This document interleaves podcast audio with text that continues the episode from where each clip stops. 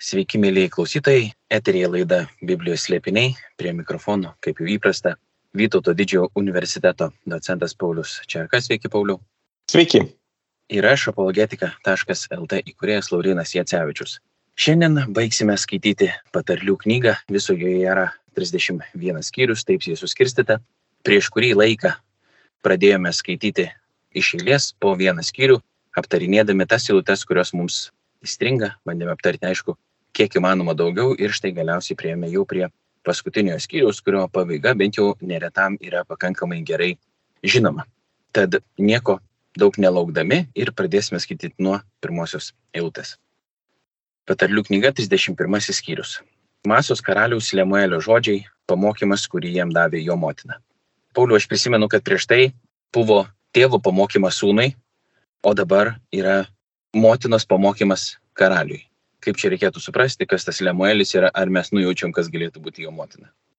Na, iš tikrųjų, kas yra Lemuelis, mes nesame tikri, nes Biblijoje mes jo nesutinkame daugiau, rabinistiškoj tradicijoje tai vėlgi būtų Saliamono slapyvardis, bet šio laikinė teksto kritika, ji beveik yra tikra, kad tai yra kitas autorius, lyginant su likusia knygos dalimi, todėl kad 31 skyriuje mes sutinkam aramizmų, kitokį stilių ir tai mums leidžia suprasti, kad tai nėra tas pats asmo, kas jis bebūtų, tas pats stilius, kurį mes sutikom prieš tai, todėl vargu ar tai gali būti karalius Saliamonas.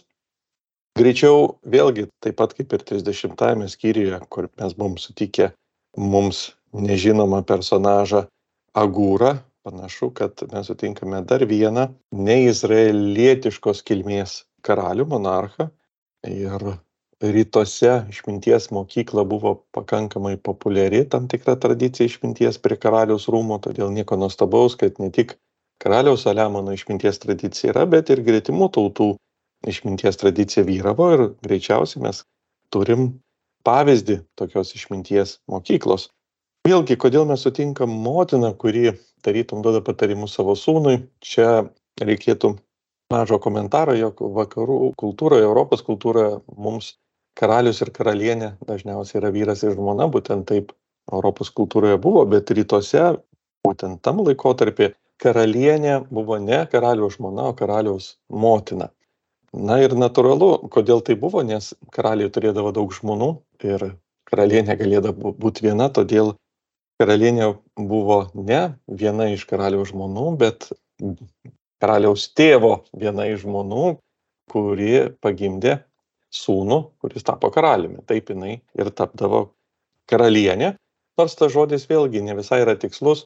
Kai mes sakom karalienė, tai mums asociacijos yra su europietišku modeliu. Čia karalienė yra, na, ne visai ta karalienė, kaip mes suprastume, dėl to kartais vertėjai vadina ją motina karalienė, ji turėjo tam tikrą kitą rolę, ji taip pat sėdėjo, sakykime, sostė, valdė su sunumi, bet ji nebuvo na, savarankiškas subjektas. Tai šiuo atveju mes turim vieną iš pavyzdžių, kaip matom, kad ji turėjo tokį patariamo balso funkciją, pamokymo, kurį galėjo mokyti savo sūnų. Ir čia pavyzdys tai, kai jį mokė ir gali būti, kad netgi odė moteriai pilnai gali būt kad taip pat yra jos autorystė nors nesam tikri ir tokiu atveju tai būtų vienas iš nedidelio teksto apimties kurį švento rašto parašė pati moteris galbūt trumpas komentaras įžanga būtų tokia Na ir skaitom jūs pamokymą nuo antros iki devintos eilutės. Ne mano sunau, ne mano iššių sunau, ne mano įžadų sunau, nedalyk savo stiprybės moteriams, ne savo jėgų karalių naikintojams. Vynas ne karaliams Lemuelį, ne karaliams gerti vyną, ne valdovams mėgti svaigų į gėrimą, kad gerdami nepamirštų, ką įstatas liepia ir nepažeistų visų vargo žmonių teisių. Tačiau daug svaigų į gėrimą žūstančiam, o vyną žmogui, kurio gyvenimas apkarto. Te geriate užmiršta savo skurdą ir te nebegalvoja apie savo baimę. Kalbėk už tą, kuris pats už save negali kalbėti ir dėl skurdžiaus teisių. Atverk burną, tark teisų nuosprendį, gink vargšus ir beturčius. Pirmas klausimas, kuris man ateina į galvą, yra, kodėl čia kalbama būtent apie svaigų įgėrimą, reikėtų suprasti apie alkoholį, ar tai yra kažkoks konkretus paaiškinimas, kodėl būtent čia ir šitoje situacijoje apie tai yra kalbama, ar galbūt tiesiog norima adresuoti tą problemą, kad karalius turi būti blaivus, visokiojopai blaivaus proto, ne tik išsiblaivęs nuo svaigių įgėrimų ir tinkamai blaiviai valdyti savo šalį. Na, vyno klausimas visada yra aktualus klausimas. Ir matom, kad ir senais laikais tai buvo pakankamai diskutuojama. Bet šioje vietoje galim pastebėti tą išminties požymį, jog iš vienos pusės jis sako, kad negerk vyno, nes pamirši vargšus, iš kitos pusės duok vyną prispaustiesiems, kad jie pamirštų vargą. Reiškia, vėlgi mes sutinkam situaciją, kai nėra vieno universalaus atsakymo, priklauso nuo situacijos. Vienai situacijai tai gali būti gerai, kitai situacijai yra blogai, tai toks išminties požymis. Ir žodžių žaidimas, jog abiejais atvejais mes kalbam apie kad kažką pamirši arba nepamirši o tai ir yra žmonių vargas jeigu karalius gers jis pamirš žmonių vargą jei prispaustieji gers jie irgi pamirš savąjį iš pozityvios pusės vargą tai toks yra išminties turbūt pamokymas ką jis kalba mums. Jeigu tai yra sakykim politinė problema kaip valdyti šalį sauso įstatymo aktualumas jis reikalingas ar ne čia turbūt derėtų mum prisimint kad patarlių knyga ji nors ir semiasi savo pavyzdžius iš politinio socialinio ekonominio gyvenimo labai paprastus ir suprantamus vis tik ji mus moko per alegoriją per metaforą dvasinių tiesų ir tokios tiesioginei minties apie vyno naudojimą prispaustiesiem mes niekur daugiau nesutinkame šventajame rašte. Kaip ir keletą kitų minčių patarlių knygoje kaip pavyzdžiui draudimas laiduoti už kitą asmenį na ir keletą kitų patarimų kurie gali atrodyti mums tiesiogine savo prasme neįprasti bent jau niekur kitur nesutinkami. Kaip ir čia taigi čia greičiau reikėtų galvot apie tam tikrą metaforą ir mes jau sutinkam karaliaus personažą ne vieną kartą patarlių knygoje iš vienos pusės tai yra metafora į dievą iš kitos pusės metafora į žmogų kuris pašauktas valdyti pirmiausia save savo aistras susivaldyti ir tokiu būdu jis būtų tas tinkamas valdyti karalius. Ir čia turbūt yra maldos modelis, jo karalius, kuris turėtų mąstyti ir pastebėti kitus, turi būti blaivus. Galim prisiminti Kristaus paraginimą būti blaiviems ir melstis. Na, ir iš to kyla tam tikras pareiga blaivumo. Kita vertus, kai periname į kitą pusę, ne paraginimo, kur kalbam apie prispaustuosius, čia gali būti kad kalbam apie tam tikrą atgailos liūdesį kuris turi būt atgaivintas na ta džiaugsmo aliejumi ir pavyzdžiui garsus na atsiskyrėlis jonas kasijanas ankstyvojoj krikščionybės laikotarpy jis šią vietą ja rėmėsi aiškindamas vienuoliams jog kuomet jie mąsto apie savo nuodėmingumą ir yra prispausti būtent tie prispaustieji negalima perlenkti lazdos ir laiks nuo laiko reikia atsigaivinti tos šventos dvasios maldos malonės na vynu kad nuodėmių savo nuodėmingumo liūdesys neperspaustų taigi matom kad jis skaitė šias eilutes suprato na tam tikrą alegoriją iš vienos ir iš kitos pusės tai yra apie tam tikrą maldos gyvenimą kad reikalingas vienoj vietoj blaivumas kitoj vietoj būtent kai mes liūdime dėl savo nuodėmingumo galima tam tikras emocinis atsigaivinimas maldoje gali būti, kuris ne visai tinka toksai apsisvaiginimas, jeigu žmogus gyvena įprastą tą maldą, kaip melžiasi už kitus žmonės. Na, iš istorinės pusės pasakyčiau, kad ta tokia tradicija rytuose žūstantiems arba nuteistiems mirties bausme duoti atsigaivinti vyno buvo, buvo ir mes ją sutinkame ir Jėzus nukryžiavimo senoje, kuomet jam buvo pasiūlytas vynas kaip anestetikas, kaip būdas numalšinti šiek tiek skausmo, tai buvo laikomas galestingumo išraiška, padėti žmonėms, kurie kenčia na, skausmą kažkiek numalšinti.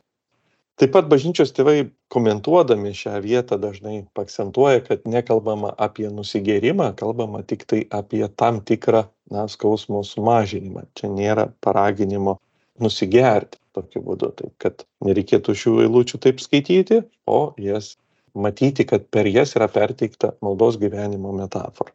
Taip trumpas būtų komentaras. Naujajame testamente yra viena vieta, kur sakoma, kad bet nepasigerkite vyno, bet būkite pilni šventosios dvasios irgi. Bet labai trumpai, jeigu tą vyno šiek tiek paplėtoti, nedaug, kadangi yra kontroversijų tarp krikščionių kažkiek. Ir vieni sako, kad Jėzus net ne vyną apskritai gėrė, tai yra kažkas panašaus į vynogių sultis.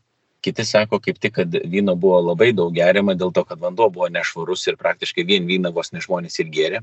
Galėtumėm ir taip tada pasakyti, ar teko kažkiek domėtis tą temą ir ką būtų galima pasakyti tiek apie vieną, tiek apie kitą kraštutinumą. Tai šiuo atveju vynas, kurie jį vartoja, aišku, skiriasi nuo mūsų. Šiuo metu parduotuvėje galima nusipirkti vyno, tiesiog technologijos yra pažengusios daug toliau ir dabartinis vynas yra pakankamai skaidrus, švarus, neturi priemaišų. Tuo metu vynas buvo paprastai maišomas su tam tikrais, sakykime, prieskoniais ir e, jis nebuvo toks skaidrus. Jis kiesdavo su vandeniu, dėl to jis galėdavo būti šiek tiek silpnesnis ir iš tikrųjų jo vartojo pakankamai nemažai, na priklausomai jis buvo skiestas ar ne, jį laikydavo tuo stipriuoju arba paprastu įprastu vynu. Egiptiečiai vartoja labiau alų, o sakykime, kai mes sutinkame izraeliečius, labiau buvo atpažįstamas vynas. Tai tie abu gėrimai buvo žinomi senovėje ir pakankamai plačiai paplitę. Tai aišku, kad galbūt tai, kad Jėzus vartoja tas sultis, kaip mes šiandien suprastume, būtų neįprasta, nes jos negalėtų įsilaikyti neraugusios kurį laiką ir iš tikrųjų tais laikais silpnas vynas buvo vartojamas pakankamai, na, kiek tyrimai rodo, nemažai lyginant su mūsų dienomis. Tiek galima pasakyti. Toliau vyksta šuolis nuo 9 iki 10 eilutės ir po to motinos pamokymo apie blaivystę, blaivumą. Pradedama kalbėti apie tai, kas bent jau šitame Lietuvos Biblijos draugijos vertime yra pavadinta pavyzdinga žmona. Dešimtą eilutę skamba taip, koks retas radinys su mani žmona, brangesnė už perlus jos vertė. Būtų galima sutikti, kad iš tikrųjų sumani arba išmintinga žmona yra tikrai retas radinys ir tikrai brangiai yra jos vertė, bet kodėl čia tokia odė žmonai ir ar vien apie žmoną čia yra kalbama, ar vėl kažkokia alegorija būtų galima išvelgti. Na iš tikrųjų, pataliau knyga baigėsi odė, kaip sakoma, su mane žmonai, na, lietuviškas vertimas siūlo versti taip, bet hebrajiškai tai būtų Hail Iša. Ir tas Hail yra terminas, kuris pirmąją savo žodžio prasme būtų stiprybė reiškintis, jėga ir stiprybė. Ir paprastai naudojamas yra militaristiniuose terminuose pažymėti tiek pačią netgi armiją ir jos žygius. Šiuo atveju, na, tai skamba būtų neįprastai, stipri žmona, galinga žmona, dėl to šiek tiek vertėjai ją verčia kaip su mane, dorovinga, herojiška, bet pats žodis būtų būtent toks. Ir na, biblistai iš tikrųjų diskutuoja apie ką tai yra, apie konkrečią moterį, apie moteris bendrai ar apie kažkokią metaforą mes kalbame. Ir kaip perskaitysime visą šitą odę, kuri yra parašyta labai įdomiu būdu, tai akrostiko stiliumi, kiekviena 22 eilutės ir kiekviena eilutė prasideda kita hebrajiškos abecėlės raide ir akrostiką dažnai sutinkame šį stilių psalmių knygoje įvairiais modeliais tiek po pusę eilutės, po pilną eilutę, po dvi eilutės, kartais po aštuonias. Įvairių modelių yra, bet matom, kad tai yra tikrai sudėtingas darbas aprašyti poemą ir tuo pačiu išlaikyti stilių. Mums lietuviams šis akrostikos stilius gerai žinomas iš Martino Mažvido katekizmo pratarmės, kuomet iš pirmų raidžių galima vėlgi perskaityti tam tikrą žinią, taip. Tai yra taip pat ir čia toks stilius matom. Dabar kalbant apie, kas būtų adresatas ir apie ką tai yra šį gesmė arba odė, tai rabinai masto, kad galėtų tai būti tiek pati tora, kartais yra šiuolaikinis supratimas, kad tai tiesiog apie šabą yra gesmė, apie dievo artumą.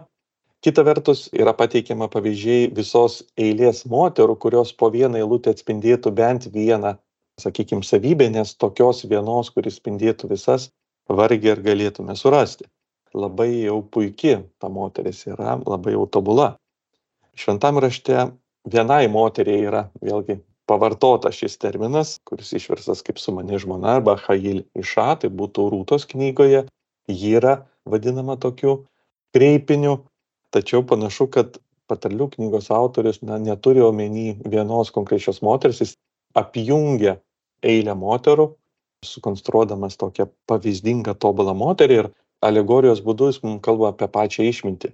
Juk mes esam išminties knygoje. Mes pradėjome patarlių knygą skaityti ir nuo įžangos matėm apie dvi moteris. Metaforos būdu apie išmintį ir kvailystę. Ir knyga natūraliai turėtų baigtis kažkaip taip savo pagrindinė tema. Ir šiuo atveju per tą sumanę žmoną yra perteiktas pavyzdys, kaip veikia išminti žmogaus gyvenime. Šiuo atveju mes jau skaitysim užbėgdant tarytum įvykiam už akių, mes jau matysim žmogų, kuris su ta žmona nugyveno savo gyvenimą, jis jau turi vaikus, jis yra pasiekęs pasiekimus politiniai srity ir ekonominiai srity ir jau rezumuoja, ką išmintis atliko jo gyvenime. Tarytum, tai yra Naujojo testamento prieškimo knyga, Naujas žemės, Naujas dangus, tai yra jau mes žiūrim atgal į nueitą kelią.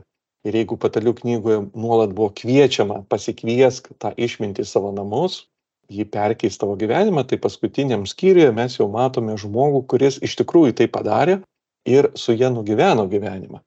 Tai jis jau gėda giesmę tai išminčiai, kuri jo gyvenimą perkeitė. Labai panašiai kaip žmona gali perkeisti vyro gyvenimą šeimoje, lygiai taip pat išmintis gali pakeisti vyro ir moters, visai nesvarbu, lyties gyvenimą tokiu, na, švelniu veikimu. Įtarytum veikia, bet neveikia taip tiesmukiškai, taip kaip ir šeimoje veikia žmona. Tai turbūt matytume, kad tai yra metafora pačiai išminčiai, kuri hebrajiškai kaip lietuviškai yra moteriškos giminės ir labai tinka ją pavaizduoti būtent tos sumanios žmonos vaizdiniu. Kita vertus, ar būtų nu, nusižengimas ją taikyti savo žmonai, turbūt ne. Ir hebrajai, žydai, judėjai turi tradiciją per kiekvieną šapą vyras šabo vakarienės metu būtent gieda šią odę ir giesmę savo namų šeimininkiai, savo žmonai, nuolat na, ją pagirdamas ir pastebėdamas gerasias savybės. Taip kad tai yra gera tradicija, galbūt egzegetiškai mes galim na, akcentuoti, kad odė yra skirta išminčiai personifikuoti, bet tai nereiškia, kad ji nėra tikroviška ir kad ji neperteikia moteriškumo grožio, ji tikrai tai taip pat padaro, todėl gali būti naudojama ir tokiu būdu. Skaitom toliau nuo 11. Vyras jai patikė savo širdį ir turi tikrą turtą. Jie atsilygina gerumu, o ne piktumu per visas savo gyvenimo dienas. Šitą vietą man iškart primena apaštalo Pauliaus žodžius, kai jis kalba apie vyrų ir moterų santykius šeimoje. Ir tai vėlgi yra kontroversiškos eilutės, kadangi moteris yra kviečiama paklusti vyrui, bet daug kas tada pražiūri, kad vyras turi mylėti savo moterį, kaip Kristus pamilo bažnyčią ir atida už ją save. Tad atrodo, kad čia yra kalbama apie tai, kad vyras patikė tokiai sumaniai galingai žmonai savo širdį ir jie atsilygina gerumu, ne piktumu. O liktai apaštų Pauliaus laiške būtų kažkas panašaus į tai, tik tais priešingai, kad moteris patikė savo širdį vyrui, o jis jai atsilygina gerumu, atsidavimu, o ne piktumu. Ar galima kažkokių tokių paralelių čia rasti, ar e, aš čia išsigalvoju, nes e, man tiesiog taip šovė į galvą?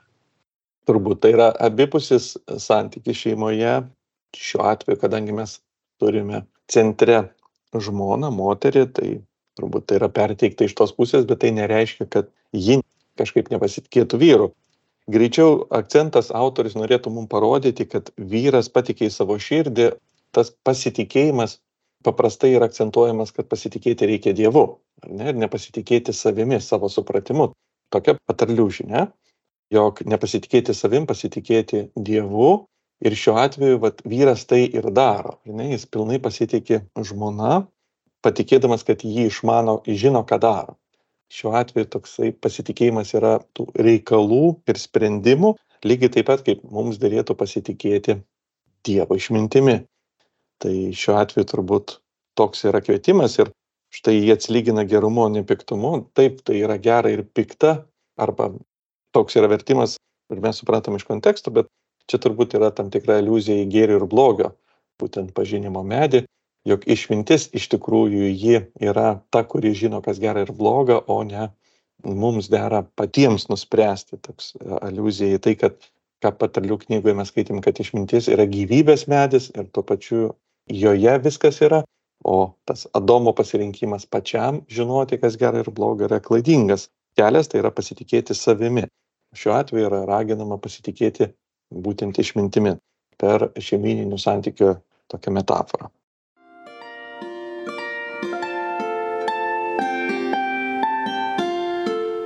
Jūs girdite Marijos radiją.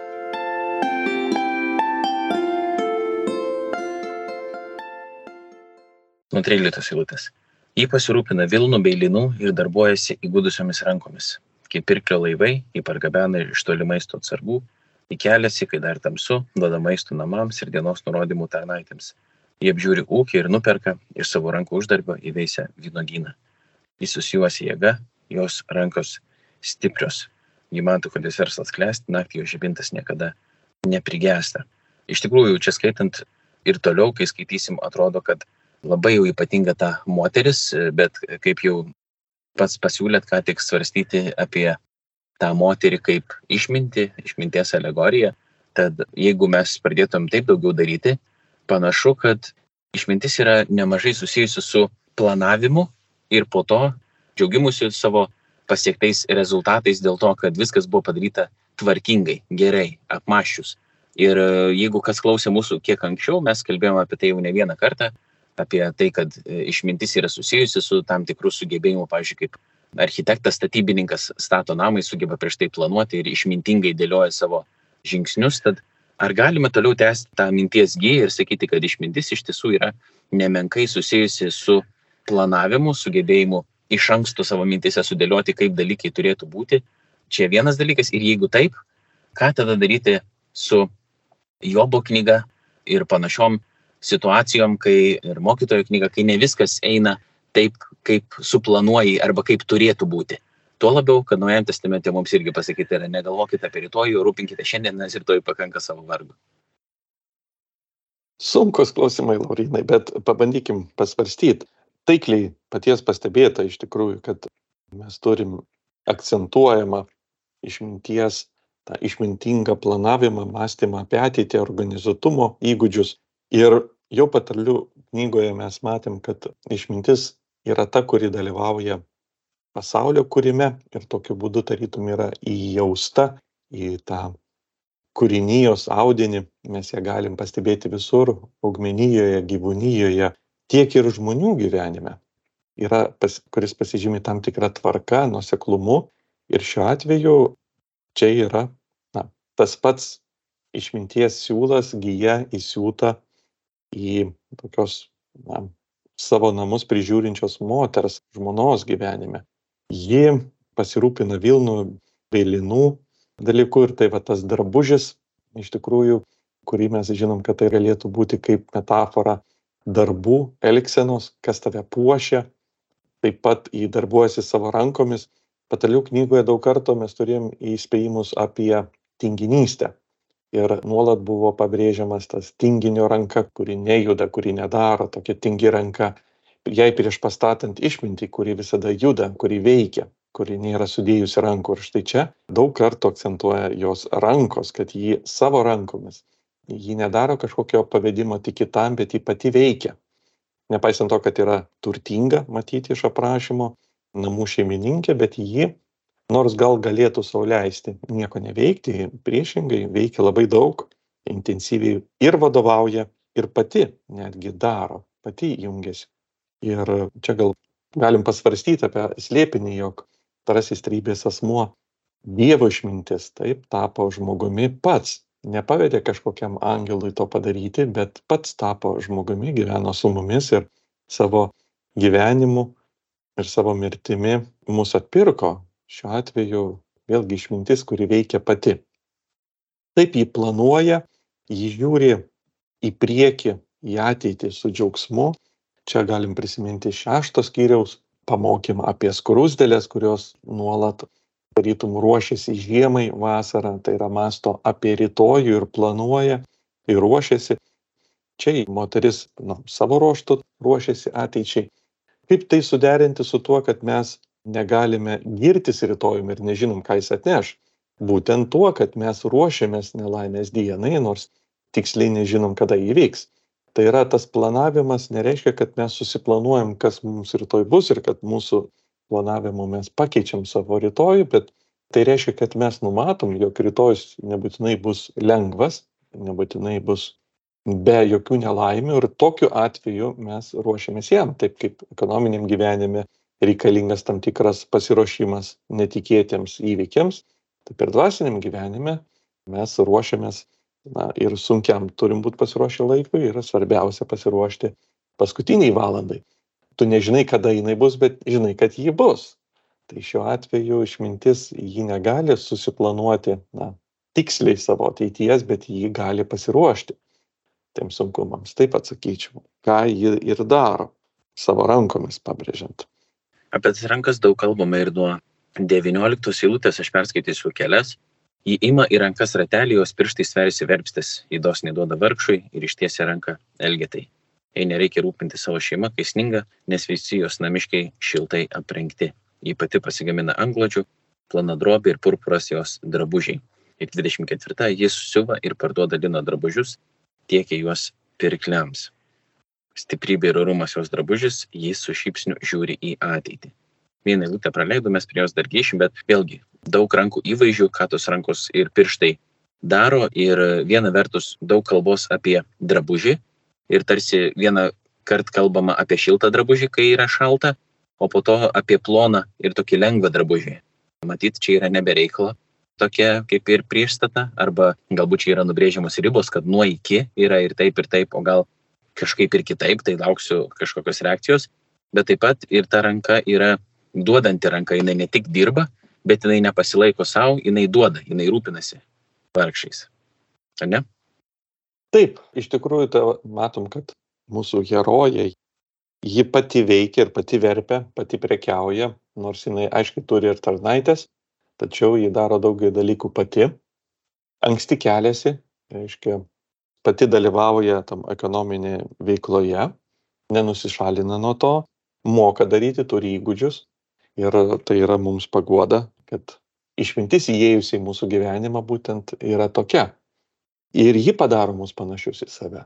Nes kartais, vėlgi grįžtant prie tos metaforos, ką galėtų reikšti moteris, mes galim atpažinti, kad kartais jos vaizdiniu kalbama ir apie bažnyčią, arba apie bažnyčios puikiausią narį, mergelę Mariją, ir kartais sakoma, tai vis tik apie ką šis skyrius yra? Ir iš tikrųjų jokios prieštaros nėra. Jeigu mes kalbam kad tai yra išmintis ir kristus yra dievo išmintis todėl ir jo kūnas ir jo nariai tampa panašūs į jį savo elgsena ir iš tikrųjų mes galim įžvelgti ir tą bažnytinės bendruomenės gyvenimą kuri juda veikia tais laivais siekia savo žinią nunešti į pasaulio pakraščius ir taip atspindi kad išmintis įėjus į mūsų gyvenimus mus padaro panašius į save pačią.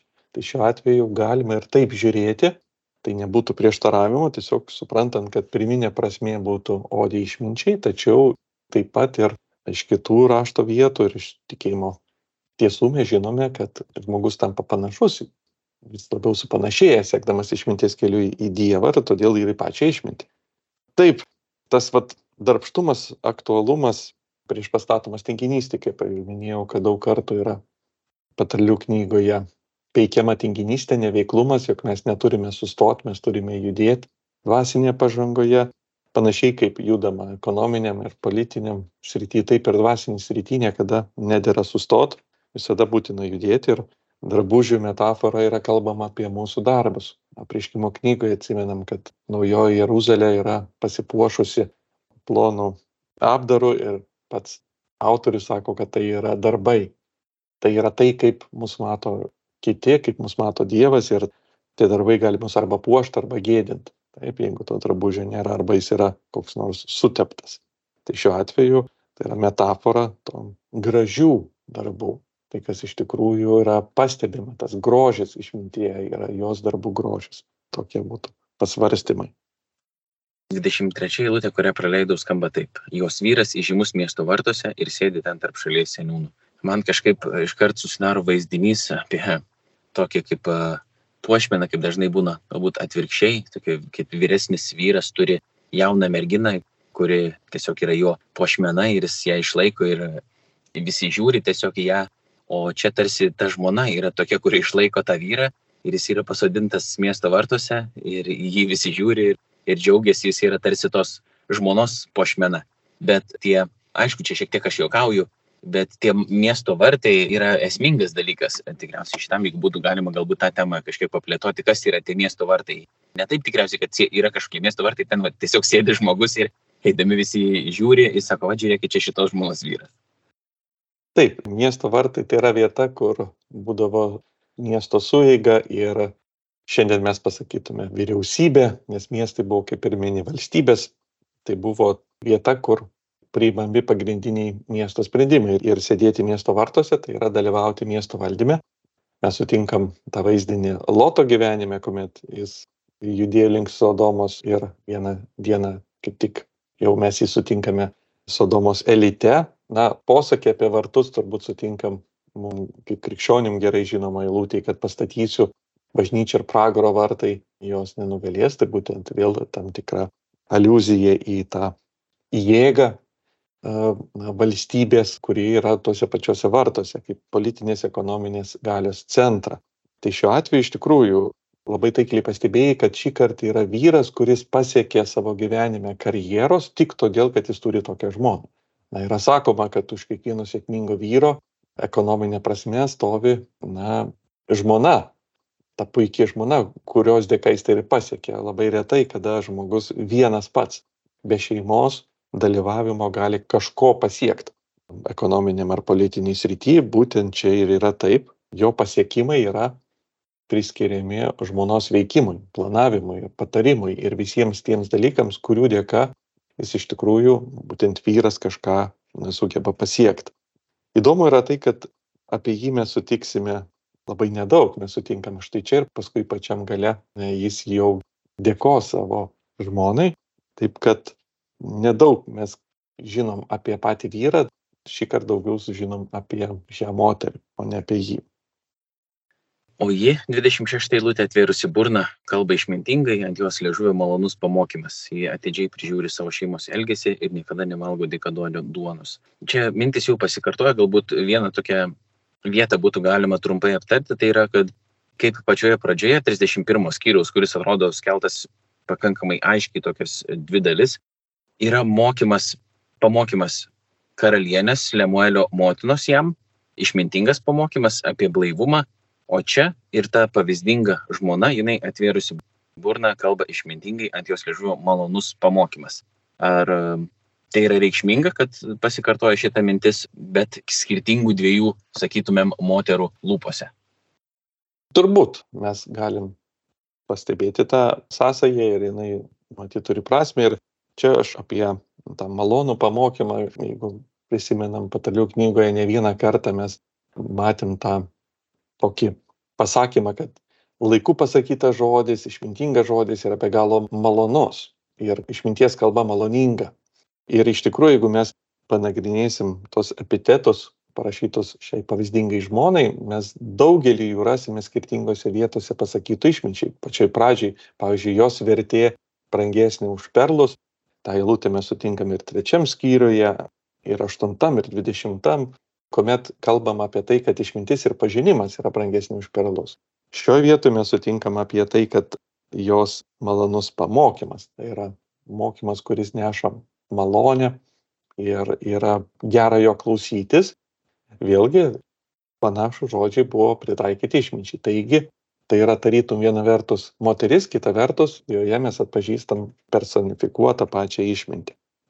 Taigi sąsajos yra su kiekvienu išminties pamokymu. Pat ir Lemuelio mamos.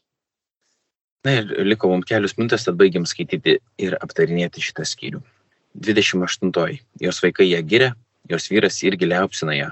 Daug sumanių moterų, bet viršy jas visas. Žaumas apgaulė, o grožis migla, moteris turi būti geriama už pagarbę viešpatės baimę.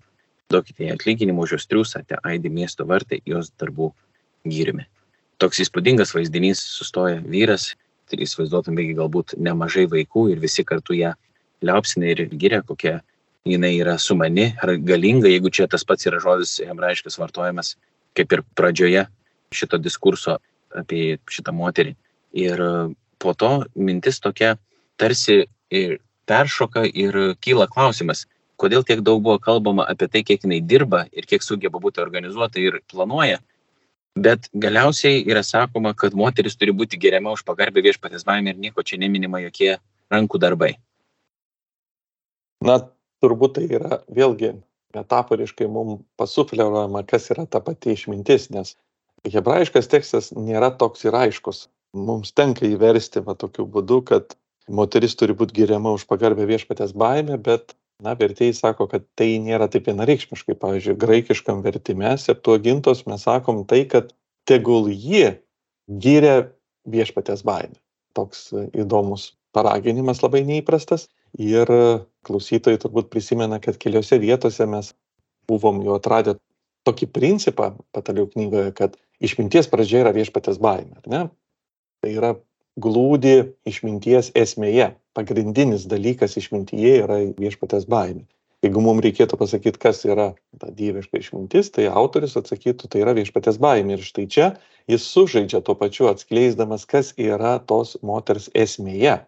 Taigi jos esmėje yra viešpatės baimė. Tai ji taip pasireiškia jos gyvenime ir negalim atskirti vieno nuo kito, negali būti išmintis kažkaip atskirta nuo viešpatės baimės, jos yra suaugusios kartu ir čia tiesiog turbūt autorius mums duoda galutinę tokią užuominą, kas yra ta moteris, ji ir yra ta pati viešpatės baimė šiuo atveju. Todėl tiesioginė prasme turbūt nėra jokio draudimo moteris girti savo žmonas girti ir iš principo kitus žmonės girti už tai, ką jie padaro, bet šioje odėje tai yra na, nuoroda į kas ta mūsų moteris iš tikrųjų savyje yra. Tai yra išmintis, kurios pradžia yra viešpatės baimė. Ir na, dėl to tas žodžio tam tikras žaidimas.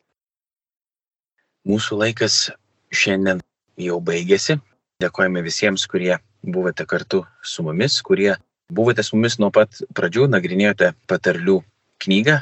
Primenu, kad visas laidas galite rasti Marijos radio garso įrašuose, nuėję į skilti Biblijos slėpiniai, jeigu kažką praleidote, galite paklausyti dar kartą. Dėkoju Pauliau, dėkoju visiems dar kartą, iki kitų sustikimų sudėv.